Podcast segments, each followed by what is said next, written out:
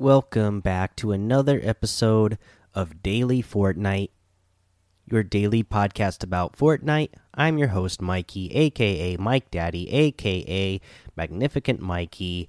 Uh, first thing is I want to miss uh, I want to mention a issue that's going on with the game right now uh, that they addressed on uh, the Fortnite status Twitter page. Uh, I've been actually having trouble with this since yesterday uh, morning. They just tweeted about it last night, but they say we're aware of an issue involving the loading screen appearing for a long duration and or at irregular times.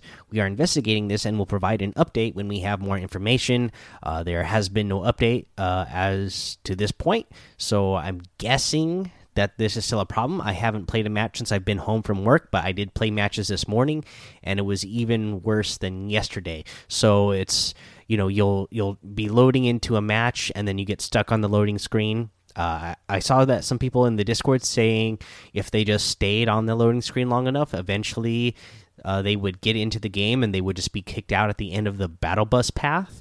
Uh, so that is a potential thing. That there was a couple times where I waited a long time, so a match would have definitely started and would have been going by then, and uh, nothing ever happened. So I had to close my game and restart. Uh, you know that happened to me maybe once or twice. Uh, probably three times yesterday, and then this morning, uh, I had it happen to me five times in a row. Uh, it was pretty bad, so hopefully it's at least better than that uh, to, at this point. But I, you know, I'm not sure because I haven't uh, been on since I've been home from work.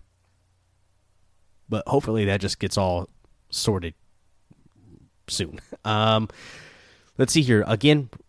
A reminder: Don't forget to open your presents by January seventh, uh, because that's how long you have to open up your Winterfest presents. Also, uh, you know, make sure that you open up that stocking to get all your challenges so you could do those too. But uh, also today we had the hand cannon. That was uh, the unvaulted weapon today. Again, I really like the hand cannon. I'm a, I'm a fan. Uh, let's see here. What else? Oh, and then it looks like uh, solid gold squads is still our. Oh no, it's duos now. So it was squads yesterday, and now it's duos today. So we still got solid golds in there, but now it's duos. Uh, for the Winterfest challenges, because I'll just mention challenges here. We have about as of this recording, it's like about two hours and uh, I mean two days and twelve hours left uh, to get those challenges done for Winterfest. And then again, remember, you know, for any other challenges you're getting done, just remember to turn on those um, party assists so that you can get them done faster and make sure that you get them done in general. Uh, but that's what I have for you now. We'll come back. We'll go over the item shop and uh, a tip of the day. All right, let's take a look at this item shop. And once again, we have a new outfit the Depth Dealer. Uh, Deep Six, the competition, part of the open water set. Uh, and, and, it comes with the Wave Piercer back bling. It's open season on the open water. So I actually really like the color scheme of this outfit. So it's kind of like that, uh, you know, sea green, teal, camo. Uh, and then he's also got on.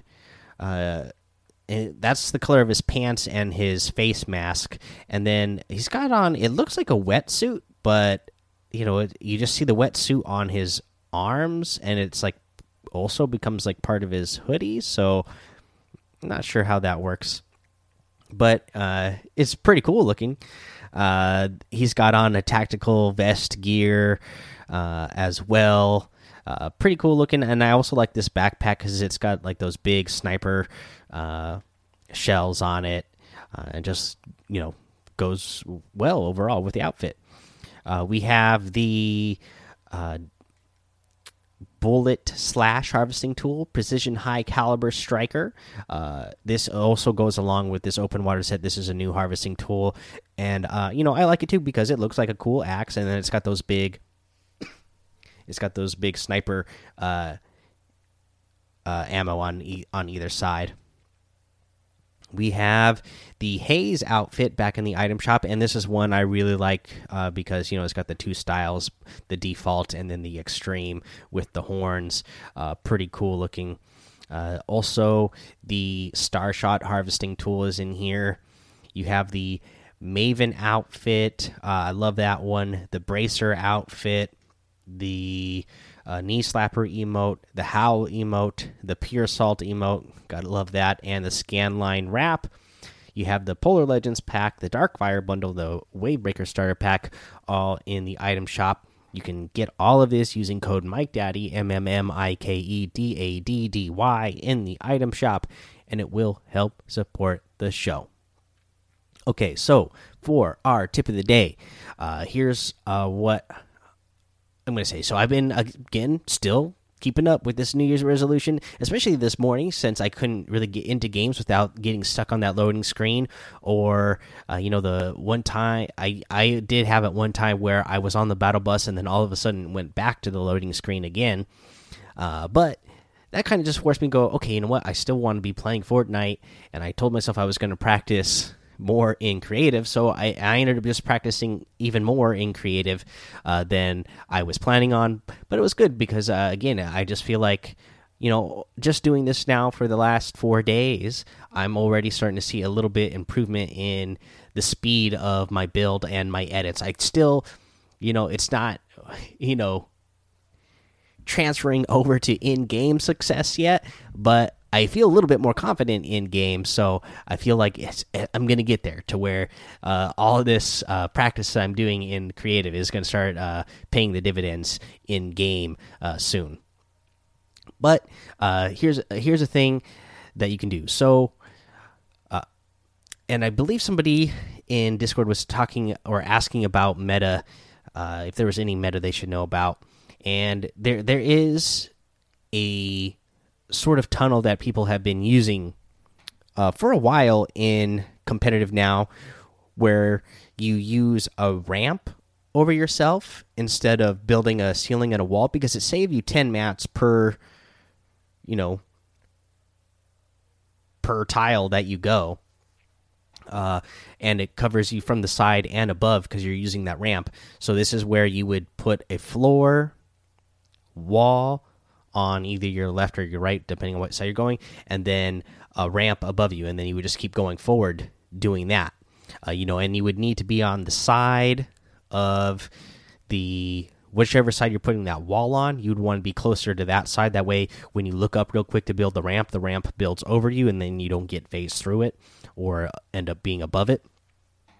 But there's another thing uh, that uh, players are doing now where you just you kind of make like a snake pattern with your floor. So imagine you're you build a floor, one floor, then you build a floor in front of that, and then you go to the right